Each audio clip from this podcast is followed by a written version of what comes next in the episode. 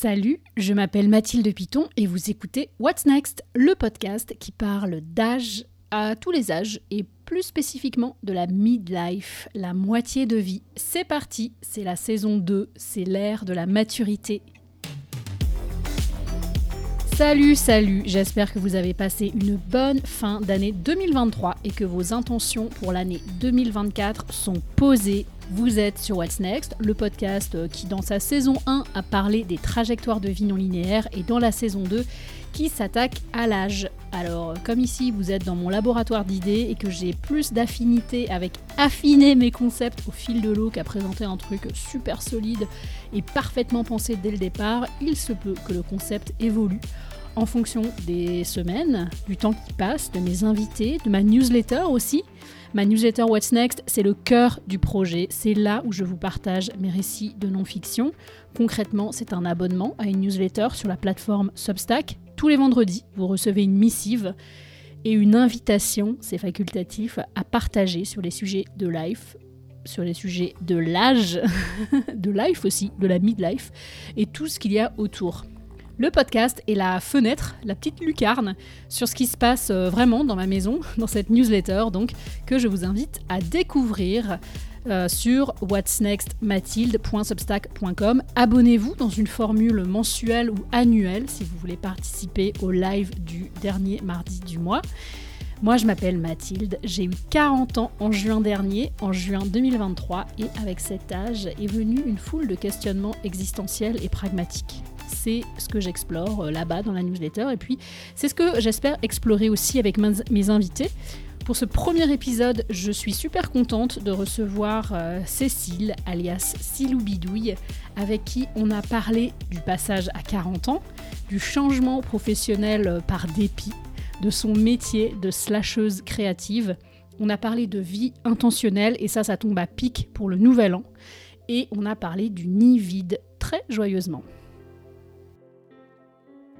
Cécile, c'est quelqu'un que j'ai rencontré à la fin des années 2000 dans un festival de livres de cuisine quand j'étais encore éditrice chez Larousse. Elle était dans le public avec sa petite fille qui avait euh, à peine quelques mois, je crois. Et j'ai suivi sa vie grâce à son blog, puis grâce à Instagram, sa vie de maman, son expatriation en Chine, le retour en région parisienne, et puis son évolution professionnelle. Si j'en crois sa bio sur Instagram, Cécile aujourd'hui est créatrice de contenu authentique, elle est coach en stratégie digitale, elle a une boutique créative et elle a un blog de DIY cuisine et voyage qui existe depuis 2006 et sur lequel il y a plus de 3000 articles. Elle est aussi gérante de l'atelier des intentions d'où elle m'appelle ce jour-là. C'est un espace d'atelier manuel à Orly, en région parisienne. Salut Cécile, comment tu vas? Eh ben, ça va. J'ai l'habitude de répondre que je vais bien plusieurs fois par jour. Et là, c'est un moment où ça va. Tu es ma première invitée dans cette nouvelle saison de What's Next et je suis super contente que tu sois là. Quand je t'ai invitée il y a quelques semaines, je t'ai dit qu'on allait parler euh, de ton parcours, de la vie créative et euh, de ce que ça voulait dire d'avoir 40 ans. Et c'est la première question que je vais te poser. T'as quel âge? Et qu'est-ce qu'il veut dire ton âge pour toi? Alors, déjà, j'ai plus du tout 40 ans, j'en ai 46. Donc, euh, clairement, euh, ça s'éloigne et ça se rapproche de l'autre dizaine suivante. Euh, qu'est-ce que ça veut dire?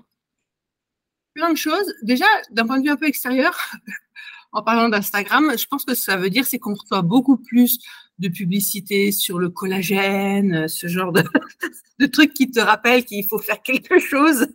mais en dehors de ça, plus sérieusement,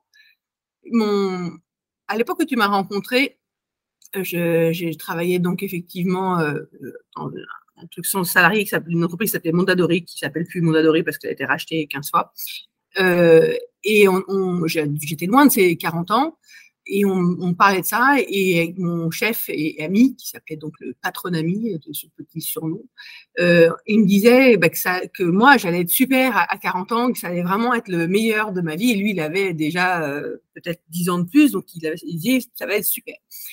Et dans les faits, euh, bah, moi je suis revenue quand j'ai quand j'ai eu 40 ans, je revenais de trois ans d'expatriation en Chine. Et du coup, cette année-là, elle était un peu complexe parce qu'on parle toujours de cette expatriation comme quelque chose d'un peu foufou. Les gens fantasment un peu cette histoire-là. Et pour moi, ça n'a pas été une période euh, des plus joyeuses. Il y a eu plein de trucs super chouettes, etc. Mais pas. Enfin, c'était compliqué. Et quand je suis revenue en France, avec mes 40 ans, ben, ça a été vraiment euh, l'occasion de réfléchir. Alors, on pourrait, on pourrait certainement, et d'ailleurs peut-être que ça l'est en parallèle, penser à tout justement à ces histoires de, milieu de vie, de crise existentielle de la quarantaine. J'en sais rien, peut-être que c'était ça. Moi, je la vois plutôt comme une crise de retour d'expatriation. Et donc, mes 40 ans, ça a été pour moi vraiment une période de réflexion, de, avec euh, peut-être les prémices de ce que j'appelle maintenant la vie intentionnelle, qui est pour moi le contraire, si on devait le définir en creux, d'une vie euh, automatique un peu qu'on passe euh, sans qu'on avance sans trop décider de où on va, où on met les vitesses. J'ai jamais été en pilote automatique. Je pense que j'ai toujours eu une vie intentionnelle, mais à ce moment-là, je me suis vraiment dit, ok, qu'est-ce qu'on fait? Qu'est-ce que tu fais? Qu'est-ce que tu veux faire de ta vie, etc. C'est des choses, des questions que je me pose souvent, mais là, je me suis dit, je sais pas. Euh, est-ce que tu retournes dans du salariat? Est-ce que euh, tu changes de société? Et voilà, c'est à ce moment-là, pour moi, ces 40 ans, ils sont symboliques un petit peu de tout ça. Comme tout le monde, j'imagine, du coup, c'est pas très original, mais étrangement, je les lis quand même plutôt à l'expatriation. On reparlera de cette vie intentionnelle parce que j'ai des, questions sur, euh, sur, sur mmh. ça. J'ai lu cette catégorie sur ton blog, mais je voulais rester encore un peu sur l'âge parce que tu as posté il y a très longtemps quelque chose sur Instagram, je n'ai pas retrouvé. Mais mmh ça m'avait marqué. C'était peut-être il y a 2-3 ans, ou c'était peut-être il y a 3 mois, mais ça m'a vraiment marqué. Tu avais écrit dans ce post que tu voulais te laisser pousser les cheveux mmh. parce que tu avais envie d'être dans quelques années une grand-mère aux longs cheveux. Ah, c'est tout à fait vrai. Et je recommence parce que j'ai eu la douleur. J'avais les cheveux vraiment très longs. Et, euh, et j'ai, en cadeau pour moi-même, j'ai voulu m'offrir une séance de, coiffeur, j'ai les cheveux frisés, etc. Je suis pas toujours très à même de les entretenir. Enfin, je ne suis pas très coquette et donc pas très spécialiste du, soin, du bien-être qu'on peut s'auto-appliquer, les crèmes, les machins. Je mets jamais de crème, je fais, je mets pas de maquillage, je mets rien. Enfin bon, le seul soin que je pourrais mettre finalement, c'est mon shampoing. donc je suis vraiment nulle de nulle. Et je m'étais dit après une super année, allez, cadeau de toi à toi, tu vas aller chez un coiffeur spécialiste de la petite bouclette. Et dans mon idée, c'était plutôt de réapprendre à, gérer ses boucles. et en fait, elle a coupé. Je lui avais dit de couper comme ça, elle a coupé euh, deux fois comme ça ou trois fois comme ça, je ne sais pas, mais beaucoup trop. Et je me suis retrouvée avec un carré. Et tout le monde, vraiment tout le monde m'a dit c'est super, ça te va tellement mieux, c'est vraiment plus sympa, etc. Et je, je l'entends, je suis certainement persuadée que je suis plus jolie, ou en tout cas dans les yeux des gens avec les cheveux courts. Mais ça a été une énorme douleur pour moi, parce que déjà, un, c'est pas ce que je voulais. Donc euh, voilà, c'est chier. Et en plus, j'adore avoir les cheveux longs. Je trouve qu'en vieillissant, les femmes, elles coupent. Et en fait, euh, ça, je crois que ça se voit. Plus on est vieux, plus on a des, cours, euh, des cheveux courts. Peut-être parce que c'est pratique, etc. Mais quand on est une jeune fille, on a les cheveux longs, etc. Alors, je ne cherche pas du tout à, devenir une jeune fille, mais j'adore les cheveux longs. Je, je, trouve ça super chouette, etc. Donc, je les re-refais pousser. C'est re-rechiant parce qu'il y a plein d'étapes intermédiaires bien reloues, là. Ils ressemblent à rien, ça me gonfle et tout. Mais oui, j'ai vraiment toujours envie d'être un, une grand-mère avec des cheveux longs et avec des cheveux blancs. Mais ça, je sens étrangement, alors que je ne l'éteins pas depuis, euh, je sais pas, 10-15 ans, euh, 10 ans plutôt, bah je, je, je, pense que je vais hériter des cheveux de mon père qui n'a pas beaucoup de cheveux blancs alors qu'il a 70 euh, ans. Donc je pense que sur les 3-4 qui se baladent. C'est drôle. de dire que tout le monde adorerait avoir ça. Et moi, je voudrais bien avoir des cheveux blancs. Ah, c'est vrai, c'est ça, t'as pas, c'est génétique, c'est héréditaire, t'as pas les cheveux blancs. Bah, je vois mon, père et du côté paternel et mon grand-père du côté maternel, ils ont eu des cheveux noirs euh, très, très, très, très, très longtemps. Enfin, mon, père, clairement, les a toujours. Et mon grand-père, à 95 ans, il n'était pas du tout euh, avec des cheveux blancs, quoi. Donc, je, bon, je sais pas, on n'est jamais, euh, peut-être qu'un jour, je vais voir un fantôme et tous mes cheveux vont blanchir d'un coup d'un seul, mais en attendant, ils sont quand même bien noirs. Tu as dit, donc, euh, si je reviens sur cette, euh, cette idée, quand tu as eu 40 ans, tu es rentré de, de, la Chine, de ton expatriation de 3 ans, et euh, tu as commencé à poser les choses. Est-ce que c'est à ce moment-là, en fait, que tu as changé, parce que tu as changé de carrière? Tu as eu un, premier morceau de carrière dans le salariat, et ensuite toutes les activités que j'ai énoncées. Qu'est-ce qui a motivé, en fait, ce changement, outre le retour de Chine? Comment tu t'es dit, OK, maintenant, je vais passer à mon compte Eh bien, j'ai envie de dire un truc pas du tout sexy, mais le dépit. le dépit oui. Tout le monde euh, explique, enfin, en plus, c'est très la mode en ce moment d'être entrepreneur, de vouloir euh, gérer sa vie, sa carrière, sa liberté. Nan, alors moi, j'avais pas du tout, du tout envie de me mettre à mon compte. J'adore euh, la, vie salariée, j'adore avoir des collègues, j'adore faire partie d'un tout. J'ai aucun problème avec ça. Et voilà. Et donc en fait, quand je suis revenue, la première chose que j'ai faite, c'est retourner dans mon autre société qui m'attendait et qui avait un CDD à me proposer. Et voilà, ce que j'ai fait. Et entre les deux, bah, je, savais que ça allait être compliqué parce que justement la, boîte euh, était plutôt en train de se faire vendre, donc n'était pas à réembaucher. Donc je savais que j'allais avoir du mal à, trouver un poste en, CDI là-dedans. Donc je me suis dit, je vais en chercher ailleurs, euh, un autre CDI. Et je me suis dit, qu'est-ce que tu veux?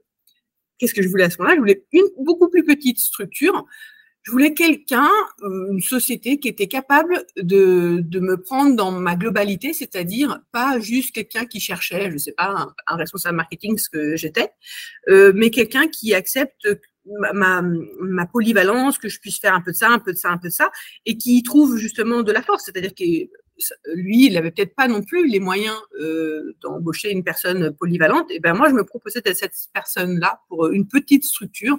J'avais déjà envie euh, de pouvoir m'y rendre en vélo. J'avais enfin, j'avais plein de critères comme ça qui étaient importants pour moi, de proximité et de taille humaine et d'humanité tout court en fait. Et tout en gardant un salaire euh, correct, euh, pas non plus bradé, parce que nous, les femmes, on est toujours à se brader. Et ça, c'était un non, no way pour, moi, enfin, un petit côté, un gros côté féministe. Et ben, je l'ai cherché, je l'ai cherché, je l'ai cherché, et j'ai pas trouvé. Les petites boîtes ont du mal à, à embaucher à mon salaire, etc. Donc, euh, ça s'est pas fait. Et ça me commençait franchement à me désespérer parce que, bah, c'est flippant d'être au chômage et que je n'échappe pas à ça. J'avais déjà vécu une période pas terrible là-dessus, et chez moi, c'est important parce que je, assez bêtement, je le reconnais, mais bah, c'est toujours une forme de reconnaissance. Il y en a qui trouvent leur reconnaissance ailleurs, et moi, qui ai toujours voulu, malgré effectivement avoir quatre enfants, travailler. Je me suis jamais arrêtée, j'ai, j'ai pas pris de congé maternité, c'était très important. Un peu du féminisme pour le coup, un peu. Je sais pas si je le revendiquerai encore toujours celui-là, mais oui, il fallait travailler, il fallait être maman, il fallait tout faire, alors qu'en fait c'est débile, mais voilà, je, voulais faire ça donc ça s'est pas fait. Et puis je sais pas qui, mais plusieurs voix se sont fait entendre du côté de ma communauté, de ma comme on dit, et qui m'ont dit mais pourquoi tu ne te mettrais pas à ton compte? Pourquoi tu ferais pas ça? Pourquoi tu ferais pas ça? Et sur le coup je me suis dit ah non quelle horreur, dis donc, elle est toute seule à bosser sur son truc, je sais pas pourquoi, euh, qui, qui fait ça?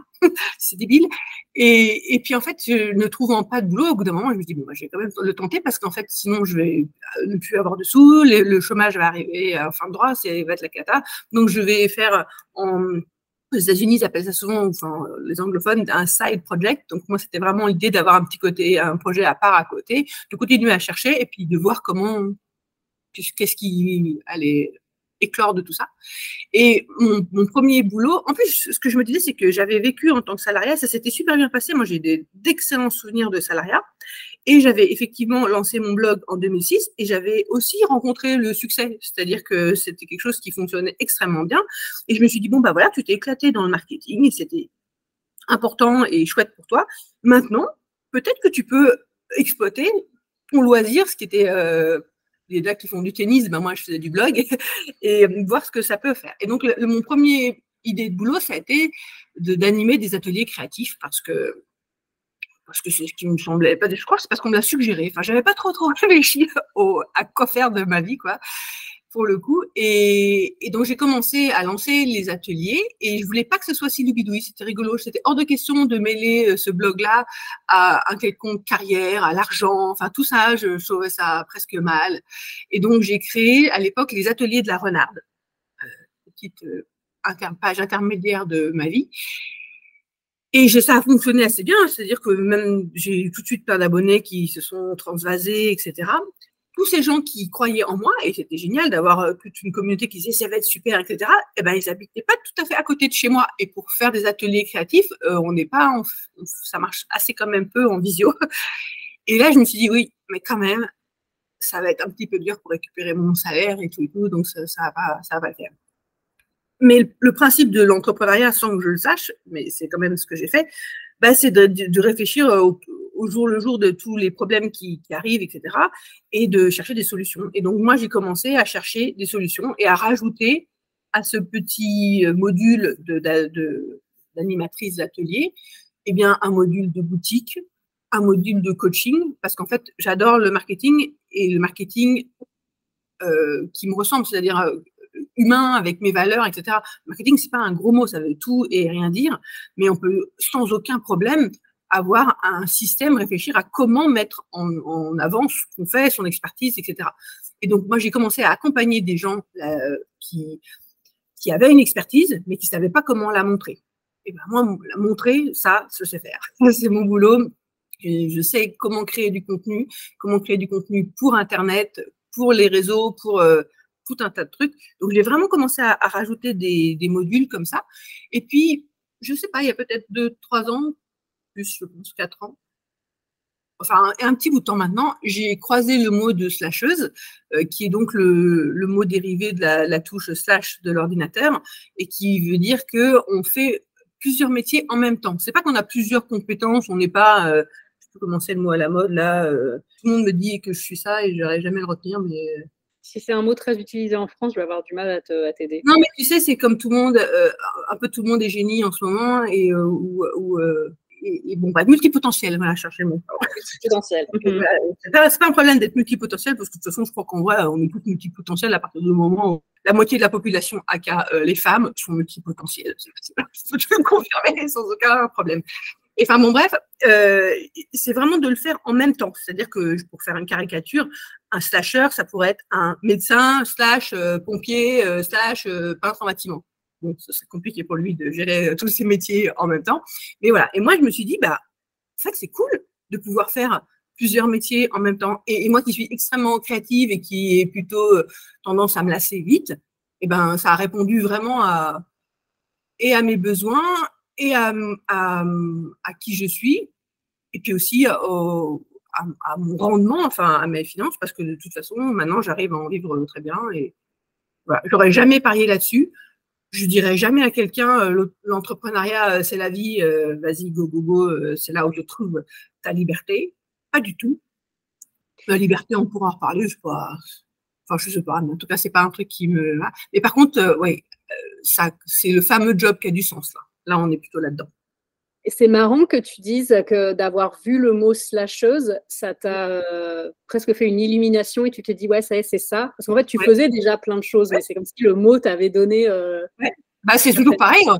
On a quand même besoin de petites cases. Tu as dit un truc, tu as dit plusieurs trucs euh, que, j'ai notés. Donc, tu disais que tu avais vraiment bien aimé le salariat. C'est marrant parce que moi aussi, quand je n'avais jamais pensé devenir, enfin, me mettre à mon compte, il y avait plein de choses du salariat que j'aimais bien, les congés payés, les collègues et tout ça. Comment est-ce qu'aujourd'hui, est-ce que aujourd'hui, tu as réussi à recréer une ambiance euh, avec une forme de collègue? Est-ce que tu as des, des pairs que tu consultes? Comment tu fais en fait pour pas. Est-ce que tu te sens seul en fait? Alors, un, je me sens pas seule déjà parce que je suis dans une famille de, six. Dans ton travail, je vais dire dans ton travail. je travaille chez moi, donc euh, ça joue quand même. Mais voilà, mais et en plus, je, pour répondre à ça, j'ai aucun problème avec la solitude. Je trouve que la solitude est clairement sous-cotée. Et donc moi, là, je suis dans l'atelier des intentions. Je l'ai créé avec l'intention de faire venir des gens, souvent, régulièrement. Et à partir du moment où il a été créé et qu'il était là, je me suis dit, des gens, mais pourquoi faire J'avais plus du tout envie de faire venir des gens. Donc déjà, la solitude chez moi, c'est vraiment pas un problème. Je l'accueille c'est le fameux lieu à soi. C'est ma bulle, c'est mon truc. Je ferme la porte, chez moi. J'adore. Euh, autre chose, oui, je, recrée pas des collègues, je peux pas vraiment dire ça. J'ai deux façons, on va dire, de, parler avec des pairs. Euh, la première que je fais de temps en temps, et en ce moment non, mais je l'ai pas mal fait ces dernières années, c'est faire du codev, je sais pas si ça te parle, du co-développement. Du codev, c'est euh, tu te trouves, on va dire, trois autres acolytes qui te ressemblent au moment où tu lances ton opération. C'est-à-dire que j'ai fait plusieurs groupes et à chaque fois, ces groupes ont changé de profil parce que j'avais pas les mêmes besoins. Quand je commençais, bah, j'ai cherché des gens qui commençaient. Quand je, maintenant, je gère bien ma société, si je devais choisir à l'heure actuelle un groupe de codev, je prendrais des gens qui aussi ont une société qui fonctionne. Je prendrais pas des, gens qui démarrent. Et en fait, ce groupe-là, on se fait euh, une promesse d'Indien de se voir toute l'année et tous les mois. Donc, euh, tous les mois, euh, deux heures. Donc, c'est pas énorme quand même. Et ces deux heures, comment elles sont consacrées? Alors, ça déborde éventuellement, mais le principe, euh, c'est ça. C'est-à-dire que chaque personne a le droit à une demi-heure. Cette, ces demi-heures-là, elle est divisée elle-même en dix minutes. Pendant les dix premières minutes, eh bien, la personne qui parle, donc on va dire moi, j'expose euh, où j'en suis de, de, ce que du mois qui vient de passer, mes problématiques, euh, mes ambitions pour le, les mois qui viennent. Et pendant les 20 minutes qui suivent, les trois autres personnes rebondissent sur ce que j'ai dit, euh, me proposent des solutions si elles en ont, mais simplement parlent de ça et parfois juste le fait qu'elle le reformule autrement ou qu'elle elle, a un regard différent là-dessus, très très souvent ça débloque plein de sujets. Et après, on passe à quelqu'un d'autre et le fait aussi d'aider cette autre personne-là, bah, ça débloque aussi plein d'autres parce qu'elle va aborder des points qui, ah oui, c'est vrai, chez moi, je sais pas, elle est bloquée ailleurs. Et puis. Euh, donc, bah, ça, cette espèce de suivi à l'année me fait un peu des collègues. Et puis après, j'ai mon meilleur ami, et mon meilleur ami, il n'est pas du tout dans l'entrepreneuriat, de rien de rien, mais on s'est fait quand même un petit rendez-vous matinal de tous les, tous les jours, pour le coup, euh, de 8h à 8h30, euh, ou un peu décalé quand parfois j'ai une petite panne de réveil. Euh, et euh, on fait le point. Vraiment, on dit qu'est-ce qu'on fait de cette journée. en l'occurrence, c'est plutôt sur mon, mes projets, etc. Mais euh, et lui, il est euh, dans un autre poste, il est euh, chef du monde dans une autre grosse boîte. Il n'a rien à voir avec le Sido et tout. Mais c'est pas grave cette fois. Donc j'ai ce petit rendez-vous là, etc. Puis après, bah, il y a les copains, les copines. moi, je parle de mon business à, peu près tout le monde. J'ai aucun problème avec ça. Et je suis entourée, je crois, de personnes assez bienveillantes qui bah, qui donnent aussi leur avis, me font avancer. Donc moi, la solitude où j'ai pas du tout ce problème-là.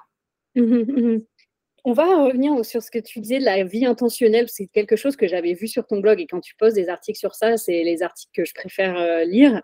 Euh, ah, tu, le présentes comme euh, poser ses choix. Mais en fait, je voulais te demander si concrètement, comment tu fais Est-ce que tu as des rendez-vous avec toi-même où tu dis, OK, là, je vais faire, par exemple, là, on est en fin, on se parle, on est mi-décembre. Euh, est-ce que tu vas faire ton bilan? Est-ce que tu vas faire tes intentions de 2024 C'est quoi Est-ce que tu as des rendez-vous avec toi-même euh, pour tes ah, intentions? Ah, mais c'est complètement le deal, parce que sinon, euh, ça rime à rien. C'est juste un petit mot sur son carnet d'adolescente. Hein.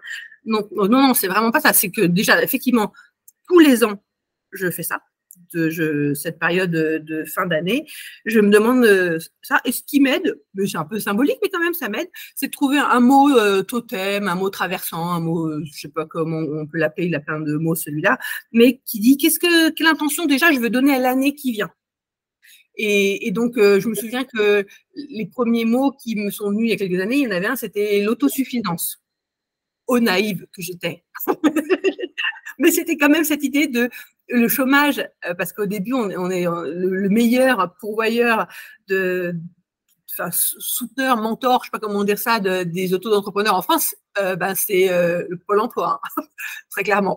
Donc, je commençais à perdre mes droits, il fallait que je remonte, etc. Donc, c'était une année transitoire, c'est pour ça que c'était ça qu'il fallait que j'arrive à, à m'auto-suffire. Et cette année, par exemple, c'était rayonner parce que je, fais déjà très bien, mais je voulais euh, voilà agrandir. Donc cette année, je ne sais pas encore quel est le mot qui va venir, mais je crois que ça va être quelque chose de l'ordre euh, de la, du développement. Je ne sais pas exactement, mais il y, a des points sur lesquels euh, je, vais abandonner certaines activités et me concentrer sur d'autres. Donc je ne sais pas, j'avais un peu sablier, ça pourrait être un, mot, par exemple, en disant on fait le tri de, qu'est-ce qui est ce regard. Donc oui, déjà tous les ans, je fais le point. Mais en fait, déjà, un peu tous les jours avec ce, petit point mmh mensuel qui est vraiment euh, un lieu de où je me pose qu'est-ce que je fais de cette journée? Oui mais si je fais ça euh, en plus le fait de le faire avec quelqu'un tout le temps qui lui euh, suit ce petit chemin là et eh ben vraiment ça aide parce que il dit mais on n'était pas censé faire ça là il n'y avait pas d'histoire de, de ce truc là et enfin donc voilà ça ça aide et puis il y a un autre truc qui m'aide aussi c'est de, de tenir un bullet journal virtuel parfois, parfois papier, ça dépend, j'ai eu plein de techniques. Mais le principe même du bullet, c'est la vie intentionnelle, en tout cas, c'est la façon d'y réfléchir. Euh, on peut le colorer et faire des petits dessins, pas de problème, j'ai fait ça et tout va bien avec ça. Mais par contre, l'idée de euh, d'avoir une espèce de lieu où on met en vrac tous ces projets et à chaque début de mois, on se dit, OK, qu'est-ce que je fais de ce mois-ci et qu'est-ce que j'avais prévu de faire dans le trimestre et qu'est-ce que j'avais prévu de faire dans cette année et de rebouger les choses, tout ça. Ouais, ça, ça fait vraiment partie des choses. Donc, euh, c'est pas du tout une vue comme ça, c'est très pragmatique, c'est très ancré dans mon quotidien. Mais tu vois, moi, si je, si je parle de moi, j'ai l'impression que ça, je le fais vachement dans ma vie. Euh, enfin, c'est un mélange. Je le fais dans ma vie professionnelle je le fais un petit peu dans ma vie perso, dans le sens où en début de mois, souvent, je fais euh, un peu ma gratitude de la, du mois d'avant. Puis je suis aussi vachement journal, j'écris beaucoup et tout. Mais par contre, tu vois, il y a des fois des grosses questions euh, de la vie où des fois, je ne me, je me pose pas pour. Euh, j'ai l'impression que le temps passe. Tu vois, par exemple, le fait de rester vivre aux États-Unis pendant si longtemps, des fois, je me dis, mais 12 ans sont passés et elles sont passées où C'est comme si on s'était jamais posé pour se dire est-ce qu'on rentre, est-ce qu'on rentre pas, est-ce qu'on passe le pour, le contre, est-ce qu'on y va? Et, et, après, comme tu disais au début, on est un peu en mode automatique de mmh se dire euh, ben, on est bien là, donc on continue, on fait comme ça. Donc euh, moi, c'est aussi des fois, il y, a les, y a les choses professionnelles, il y a les petites choses de la vie, comme voilà, les, les espèces de, voilà, de moments de gratitude, mais ces grosses questions de où on vit. Dans ah, mais c'est vrai tu as, carrément raison, parce que le professionnel, finalement, c'est plus facile. La vie intentionnelle professionnelle, c'est la plus simple. La vie, la vie intentionnelle euh, vie, sur ce quotidien, elle est plus compliquée. Je sais pas si tu as déjà entendu parler de ce TED hyper connu sur euh, la procrastination. Euh, je sais plus comment il s'appelle, ce type-là. Il, est, il, a, il doit avoir 10 ans, hein. mais euh, TEDx, pardon, je sais pas comment tu le dis, toi. Euh, en fait, ce qu'il raconte, je te le fais super rapide. En gros, c'est que euh, qu'est-ce qu'il dit Il fait une petite blague. Il dit qu'est-ce qui se passe dans la tête de quelqu'un qui procrastine à qu'à lui? Il dit ben en fait euh, dans ma tête il y a un espèce de, de petit singe et ce petit singe là il est euh, il est censé y avoir trois personnes un singe, un capitaine et un panic monster. Donc mais les trois quarts du temps c'est le petit singe qui gagne, qui a complètement le dessus sur le capitaine qui lui a sa vie intentionnelle et qui voudrait être vraiment euh, garder le cap etc. Sauf que le petit singe, lui, ce qu'il veut, c'est la joie, c'est la satisfaction immédiate, c'est le bien-être, etc. Et il est beaucoup plus puissant que le capitaine. Donc, effectivement, il y a toujours ce petit truc-là qu'il a toujours à faire, un petit truc qui brille, etc. Et voilà. Et ce qui fait que le panic monster, qui est le seul à pouvoir virer le petit singe et redire au capitaine, eh, maintenant, euh, on regarde droit vers le phare, on arrête les conneries, eh ben, celui-là, il arrive que quand il y a des deadlines. Donc, on a tous connu ça. On doit rendre un dossier, un je sais pas trop quoi, euh, un mémoire. Ben, quand on a un an pour rendre un mémoire, je connais pas grand monde qui a commencé son mémoire le 1er septembre. Hein. En général, ça se termine euh, avec des nuits euh, pas possibles la veille ou les avant-veilles pour rendre son truc, etc.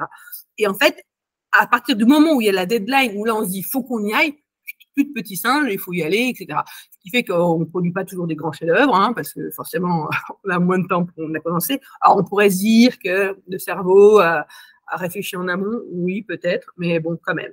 Et sauf que ça, c'est super quand on, dans une vie professionnelle, dans, à l'école, enfin, quand il y a des deadlines. Sauf qu'il n'y a pas de deadline dans la vie. Mais oui. N'y a pas de deadline de quand est-ce qu'on est heureux. Alors, on a, heureusement, comme tu peut-être, ça pourrait être une, la fameuse euh, midlife, quoi, les 40 ans. Peut-être que ça, c'est une deadline où on se pose des questions, espèce de tournant un peu symbolique. Mais en fait, à partir de quand, euh, c'est quoi la deadline pour apprendre à jouer du piano? C'est quoi la deadline pour, euh, pour se mettre à jouer à la guitare, de faire de la danse, d'aller se promener, de faire du sport, de manger mieux, de je sais pas trop quoi? C'est quoi la deadline? Il n'y a pas tellement. Donc le panic monster, pas plus que ça. Et donc, bah, pour moi, la seule façon d'avancer dans sa vie, vraiment, c'est d'y réfléchir et de se poser. Alors, si on a les moyens d'avoir euh, un psy ou je sais pas quoi, j'imagine que ça peut aider. Je sais pas, hein, les psys, c'est, compliqué, je suis pas toujours euh, très convaincue par les psys, mais ça peut être une façon de, de se questionner de manière, euh, enfin, en tout cas avec des échéances comme ça. Ça peut être un pote ou une pote avec qui on se connaît bien et on peut vraiment être exactement qui on est comme on est et avoir cette, cette franchise et cette confiance. Euh, là, c'est, je parle de confiance parce que pour moi, c'est hyper important euh, dans le temps. C'est-à-dire que je, trouve que quand on se confie à quelqu'un, il y a des moments où on a une facilité à se confier, on va dire des choses et, c'est super. Sauf qu'en fait, ces choses-là, euh, moi, j'ai du mal à me dire que les gens vont les garder dans le temps. Euh, c'est-à-dire qu'à un moment où on les confie, c'est super, c'est génial, c'est parfait. Sauf que cette truc-là, je ne sais jamais trop ce que les gens vont en faire dans, je sais pas, six mois en disant, en parlant de moi à quelqu'un d'autre, en disant oui, enfin bon, tu sais, euh, et puis lâcher le petit truc, la petite info, etc. Et ben en fait, dans, cette histoire de confiance de vie, c'est ça qu'il faut chercher, c'est trouver quelqu'un avec qui euh, qui on est n'est pas un problème. Donc ça peut être son conjoint, ça peut être sa meilleure pote, ça, ça peut être le psy, donc je sais pas, hein, pour ceux qui sont croyants, inspirés, j'en sais rien. je ne sais pas. Mais voilà, trouver, euh, ne pas être tout seul avec ses pensées. Moi, je suis hyper forte à être toute seule avec mes pensées. J'ai longtemps fait ça, mais quand même, je vois bien que c'est mieux quand elles sortent. Quand c'est confronté avec quelqu'un, ouais, quand, tu discutes.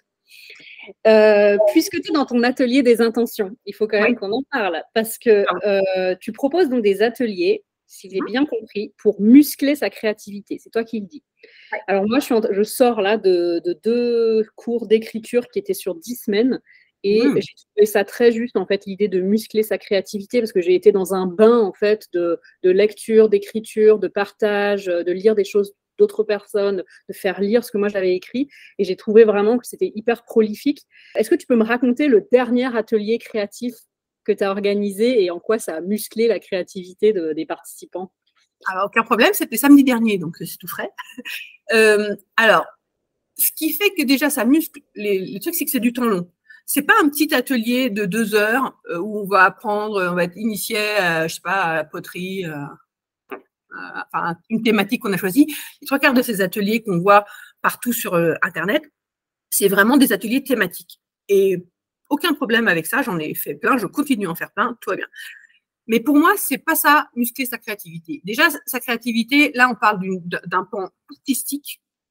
Et en fait, la créativité, c'est c'est tout le temps. Enfin, tout le monde est créatif parce qu'en fait, tout le monde est en train de chercher des solutions euh, tout le temps. Si je te mets devant un, un coffre avec plein de valises à rentrer dans ce coffre-là et je mets le, quelqu'un d'autre dans une autre, dans la même configuration, vous rentrerez pas les valises de la même manière. Et ça, ce sera aussi de la créativité. Vous aurez chacun trouvé un chemin avec vos solutions. Ça, c'est de la créativité. Donc, on est tous créatifs vraiment. Par contre, ça se muscle un petit peu comme on a tous euh, des abdos euh, potentiels. Enfin, euh, si on les muscle, on les verra où ils seront plus puissants, etc. Donc déjà, l'idée de muscler, c'est que c'est du temps long. Personne fait trois pompes et se retrouve avec des abdos. Ça, ça n'existe pas. Eh ben, hélas, exactement. mais celui qui fera ça, il sera très, riche, mais ça ne marche pas comme ça encore.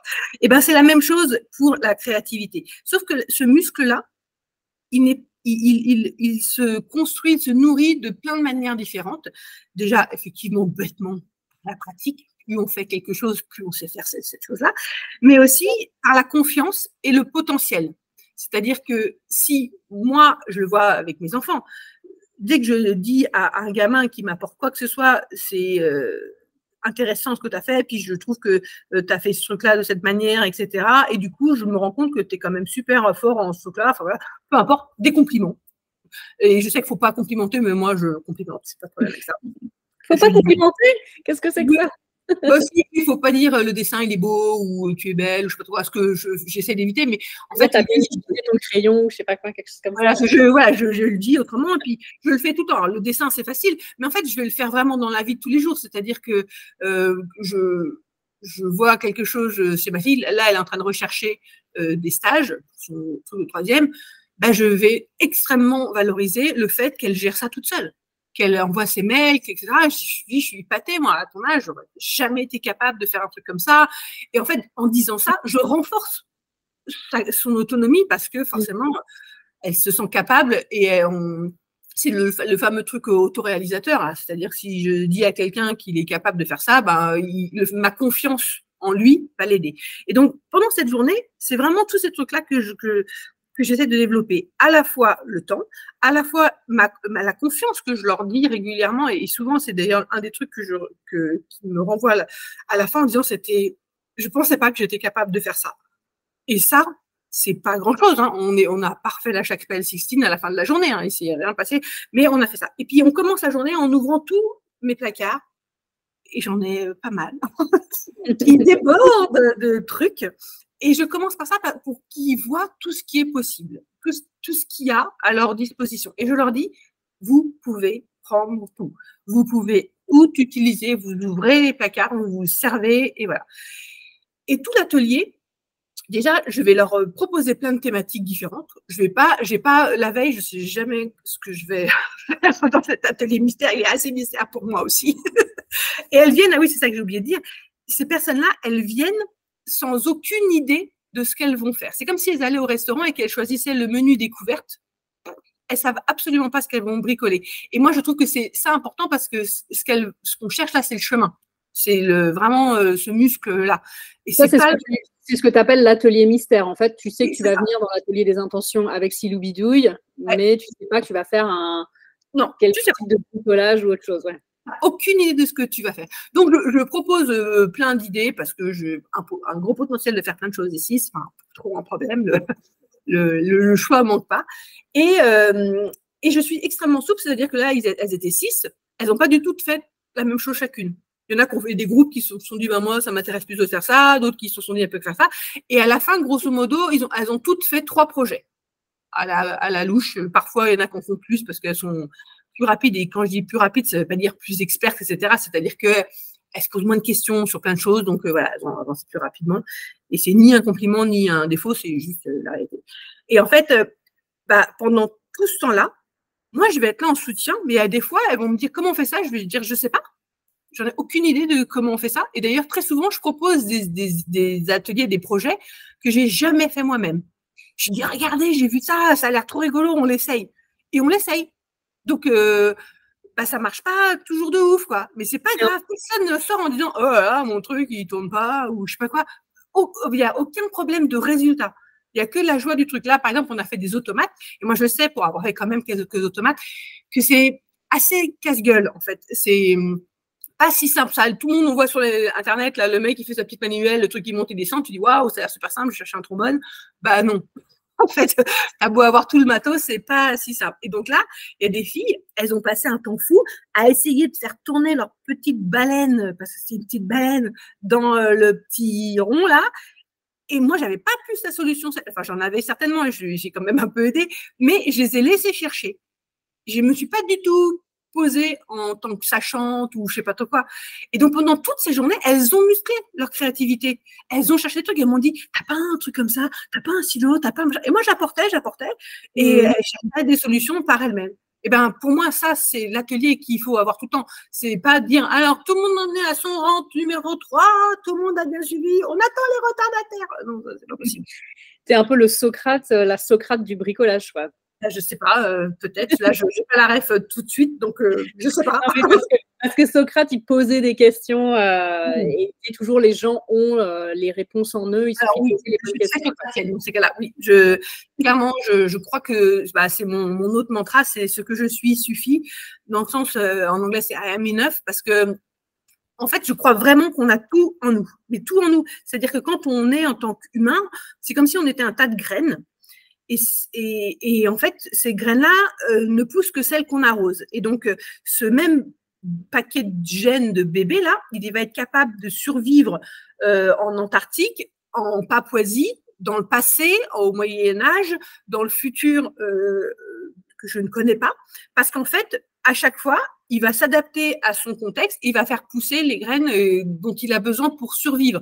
Parfois, euh, ça fait qu'il pousse des, graines pas terribles, hein, parce que pour survivre, peut-être, je parle de violence intrafamiliale, des choses comme ça, bah, tes graines à toi, elles sont un peu pour chou parce que tu as, dû survivre. Parfois, euh, ben, je suppose, on dit par exemple que les gens qui, les enfants qui vivent dans la jungle, ils sont capables de reconnaître une infinité de verts, la couleur verte, alors que nous, on dit euh, vert clair, vert foncé. Euh, mmh. voilà. Et eux, en fait, comme c'est super important pour se repérer, ils sont capables de voir ça. Donc, ils ont fait pousser, ils ont arrosé la graine de, euh, du contexte. Quoi. Et tu sais, il y a une phrase féministe là, qui dit on ne naît pas femme, on le devient. Bah, moi, je vais te la simplifier à l'extrême. On ne naît pas dans son sens net, naître, hein, pas être, net. on ne naît pas, on devient. Et après, tu fais ce que tu veux, mais on devient. On fait que devenir. Et on devient en fonction du contexte, etc. Donc bah voilà, c'est oui, je suis très socratienne parce qu'on a tout en nous et il suffit juste d'arroser les plantes. Et du coup, c'est encore plus important d'avoir une vie intentionnelle et de savoir qu'est-ce qu'on veut arroser. Quelque chose dont tu tu parles sans nécessairement parler, mais que tu évoques et qu'on sait en fait en suivant ton blog, tes, ton Instagram, c'est que tu as quatre enfants. Là, tu l'as dit aussi. Et euh, ils sont là autour de toi, on les voit par-ci par-là. Euh, ou alors chambre parfois, parce que tu redécorer la chambre de l'un, on entend parler mmh. des études de l'autre. Il y en a deux, si je ne me trompe pas, qui sont déjà partis faire leurs études. Je vais revenir un peu à mon sujet euh, de l'âge. Est-ce que tu anticipes cette idée du nid vide d'ici quelques années ou c'est trop tôt pour en parler? Alors, c'est rigolo parce que non, on est, dedans, mais on est dedans très joyeusement. C'est-à-dire que euh, donc j'ai dans mes enfants, pour ceux qui ne les connaissent pas, donc j'ai Erwan, qui est mon aîné, un garçon, et qui a 23 euh, ans. Ensuite, j'ai Maël, qui est une fille et qui a 21. Ensuite, j'ai Elouan, qui est un garçon et qui a 18. Et ensuite, j'ai une fille encore, euh, qui aura 14 ans en mai prochain, 13 ans et demi. Euh, et techniquement, mon aîné a fini ses études, il, travaille actuellement. Euh, ma seconde euh, va, est certainement dans sa dernière année d'études et après, elle travaille, mais en fait, à vrai dire, elle travaille déjà parce qu'elle elle fait de l'alternance. Donc, elle est déjà à cinq semaines de vacances, etc. Enfin, comme, comme, comme grande. Je ne sais pas si c'est le but d'être ça, mais voilà. Et j'ai mon numéro 3 qui a un an d'avance et du coup qui est déjà aussi post-bac et qui fait ses études à Paris et donc qui a euh, qu'on voit assez beaucoup moins qu'avant où il était euh, au lycée. Euh, enfin, il était déjà aussi à Paris, mais enfin, on, voit beaucoup moins qu'avant. parce qu'il fait une prépa et que ça demande beaucoup de boulot. Donc en fait, je me retrouve à l'heure actuelle vraiment dans le sens quotidien d'un enfant petit qu'avec un, qu'avec Siloé qui du coup euh, prend plein de place, elle est très contente de ça. Euh, mais, je dis bien mais, l'aînée est toujours chez nous. Euh, la numéro 2, elle n'est pas chez nous, mais elle est dans un truc qu'on que, sponsorise, donc je considère qu'elle est quand même un peu chez nous parce qu'elle n'est pas autonome. Quoi. Et pareil pour le, numéro 3. Et en fait, les gens me posent la question, par exemple pour mon fils aîné, hey, quand est-ce qu'il va partir, etc. un peu en mode Tanguy, toi. Et, alors moi, c'est complètement l'inverse. Je, me fiche, mais vraiment complètement qu'il reste euh, avec nous ou qu'il parte d'ailleurs. S'il part, je serais très content pour lui, j'ai pas de souci avec ça. Mais s'il reste, mais genre même toute sa vie, je m'en fous complètement. Déjà, un, parce que a une grande maison, euh, on ne va pas. En plus, parce que bah, c'est un, vrai adulte, dans le sens que quand il est, il est là, il a, il a vraiment, il fait les courses, il fait le repas, il fait la vaisselle, il fait les lessives, il est vraiment là. Quoi. C'est pas un enfant, il, il fait tout comme tout le monde. Et euh, c'est assez rigolo. On a un groupe euh, family, hein, comme tout le monde, euh, et il met des photos. Qui sait qui a charri les chiottes, qui sait qui a fait je sais pas quoi. Enfin, vraiment, il est, il est passé du côté de la force, quoi. et vraiment. Et en fait, Maëlle, c'est la même chose. Elle est très autonome, etc. Donc moi, j'ai aucun problème euh, à vivre avec ces gens-là. En plus, il y a des, des on est dans une génération où à faire des enfants, est-ce qu'ils vont en faire, est-ce que ça vaut le coup, est-ce que je sais pas quoi. Enfin, en tout cas, ils se posent plein de questions. Donc, je ne je sens pas la grand-mère arriver du tout. Et franchement, je m'en fous aussi complètement. Si, si j'ai pas de petits enfants, bah, j'aurai quatre enfants et on partira quand j'aurai 80 ans, toujours en vacances tous ensemble. je m'en fous vraiment. Et je me sens pas du tout enfermée dans ma maternité. Je, suis absolument libre de faire ce que je veux, je veux partir, etc. Eux, ils peuvent être là. Et d'un point de vue aussi même euh, d'aide, parce que je pense qu'un jour ils partiront quand même, bah, je trouve que c'est un cadeau aussi à, leur faire auquel on réfléchit pas tout le temps. Par exemple, on est toujours en train de se dire comment on met des sous sur euh, quel compte PEL qui rapporte, ou je sais pas trop quoi, blablabla. Ben moi, je trouve euh, le meilleur investissement ou bon plan ou je sais pas quoi qu'on peut donner à ces enfants, c'est ils travaillent et quand ils ont pendant un an, deux ans, trois ans, le temps qu'ils restent à la maison, tout leur argent pouf, ils vont sur leur compte à eux. Ils participent, hein, Erwan, il fait, il paye l'essence, euh, il fait des pleins de courses, enfin, il n'y a pas de, de tout ça. Mais grosso modo, il dépense beaucoup moins que s'il devait euh, s'acheter sa baraque, etc. Bah, tout d'un coup, les épargnes, elles montent et beaucoup plus que 3% de je sais pas trop quel compte. Et quand il va partir dans la vie, ben, il aura déjà un peu de sous, quoi. Il pourra vraiment, et moi, je, je, je, peux pas lui donner autant d'argent. Je peux pas faire ça. Je n'ai pas du tout les moyens de faire ça. Par contre, ça, j'ai les moyens de le garder, euh, de faire sa vie. Et franchement, voilà, je je sais pas, euh, je ne demande pas d'être là tous les soirs, il n'y a pas de couvre-feu, enfin, il fait sa vie, quoi. C'est comme si j'avais un colloque. Donc, en fait, il n'y a pas de nid, de nid vide, c'est pas vraiment ta problématique. Non, pardon, mais. je vais juste conclure. Quoi. Non, mais c'est intéressant d'écouter ton, ton, point de vue. J'ai deux questions pour finir, des petites questions de la fin. Est-ce que, donc tu n'as pas 40 ans, tu as 46 ans, mais ça marche quand même. Est-ce qu'il y a un rêve sur ta, ta to-do list euh, existentielle, si je puis dire Est-ce que tu as un rêve que tu souhaites accomplir euh, dans les prochaines années Un super voyage, quelque chose en lien avec ton métier, un accomplissement personnel, familial ou quoi Quelque chose que tu voudrais faire et peut-être que tu reportes un peu, mais tu dis non, allez, peut-être là, il faudrait que je m'y mette, il faudrait que je, faudrait que je fasse, euh, que j'accomplisse ce rêve? Bah, je pense que j'ai le même rêve que tout le monde et clairement, c'est un petit peu je sais pas comment, j'allais dire la martingale, mais c'est pas ça, tu sais, le truc qu'on revient, tout le top qui revient toujours là. Marronnier? Ouais, genre. Bah, c'est d'écrire un livre. Hein. Je pense que tout le monde euh, a ce truc-là. Et, euh, et ça, a un rêve qui ne s'évanouit pas, parce que des rêves qui s'évanouissent, j'en ai plein. Mais il fleurit tout le temps, il revient sous plein de formes, etc. Et souvent, je l'ai repoussé bêtement, pour plein de raisons. Euh, quand j'étais, quand je suis partie en expat, j'avais trois ans pour l'écrire ce livre. Je me suis dit, si je l'écris pas pendant l'expat, je l'écrirai jamais, puisque j'ai trois ans de, de rien foutre que d'autres ça. Mais c'était tellement psychologiquement compliqué cet expat que j'étais pas du tout euh, en train d'idée d'écrire un livre. Ça, c'est pas possible. Et puis euh, après, quand je me suis mis à mon compte, je me suis dit, mais j'ai pas le temps en fait d'écrire un livre parce que je faut que je gagne ma vie là. Et maintenant, je la gagne bien eh ben, c'est toujours la question, c'est euh, oui, mais si je m'arrête, ben, je la gagne plus. donc il y a toujours une bonne excuse de merde, euh, on est, on est, on est bon. Euh, donc, bah, quand même, comme ça vient, je vois bien que j'ouvre de plus en plus de portes, que je demande de plus en plus d'aide extérieure pour me mettre dans ce contexte d'écriture et que les projets que j'ai, ils sont quand même assez puissants. Donc, je pense que ce livre-là arrivera un jour. Mais quand tu dis écrire un livre, c'est écrire un roman c'est écrire. Euh, deux choses. J'ai deux projets. un projet, en fait, j'ai. Ce qu'on ne sait pas trop. Je ne sais même pas si je vais le dire. Est-ce que je vais le dire? Tu pas obligé de le dire. Je vais, je vais être évasive. Euh, j'ai co-créé, il y a quatre ans de cela, une association de lutte contre les violences intrafamiliales. Et et en fait, il y a un projet de livre que j'aimerais euh, faire qui serait d'écrire une histoire positive euh, de vengeance. Cette phrase-là est bizarre. un peu jouissive de toutes ces femmes que j'accompagne au quotidien. On voit passer plus de 400 dossiers dans l'association, etc. Et euh, franchement, qui sont aidés de par personne. voilà. Ben, J'adorerais écrire un livre qui raconte une fin heureuse de ça et un peu donc euh, vengeresse. Et donc euh, pas forcément très morale, mais on s'en fout, c'est juste pour la joie de gagner euh, un petit peu de temps dans sa vie.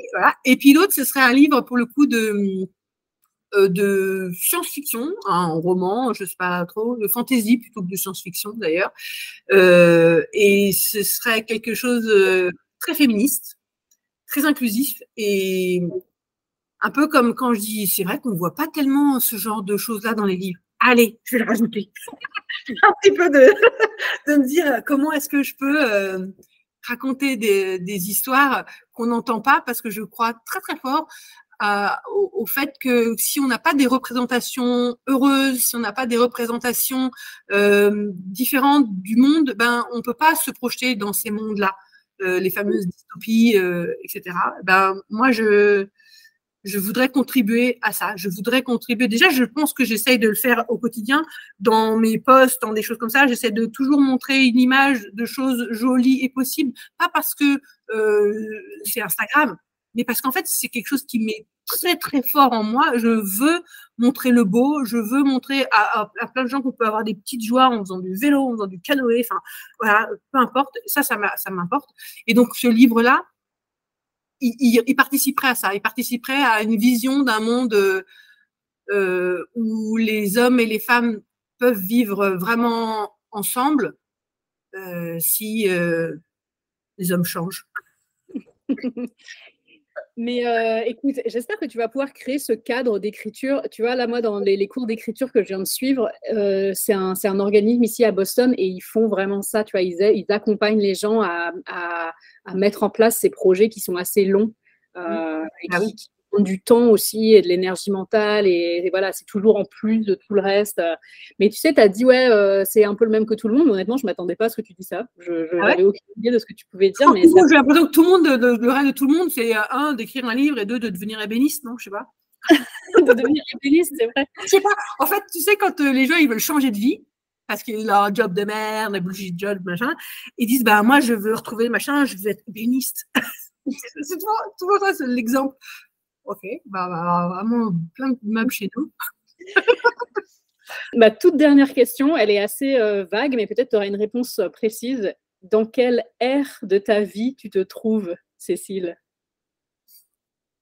Hum, Je ne vais pas te dire que c'est la meilleure période de ma vie, même si je pense qu'on est dans. parce qu'il y a plein de moments, j'ai jamais trouvé que ma vie était nulle, donc euh, j'ai passé plein d'air sympas je me sens quand même dans une ère vieillissante, euh, déjà juste en me regardant dans, le miroir.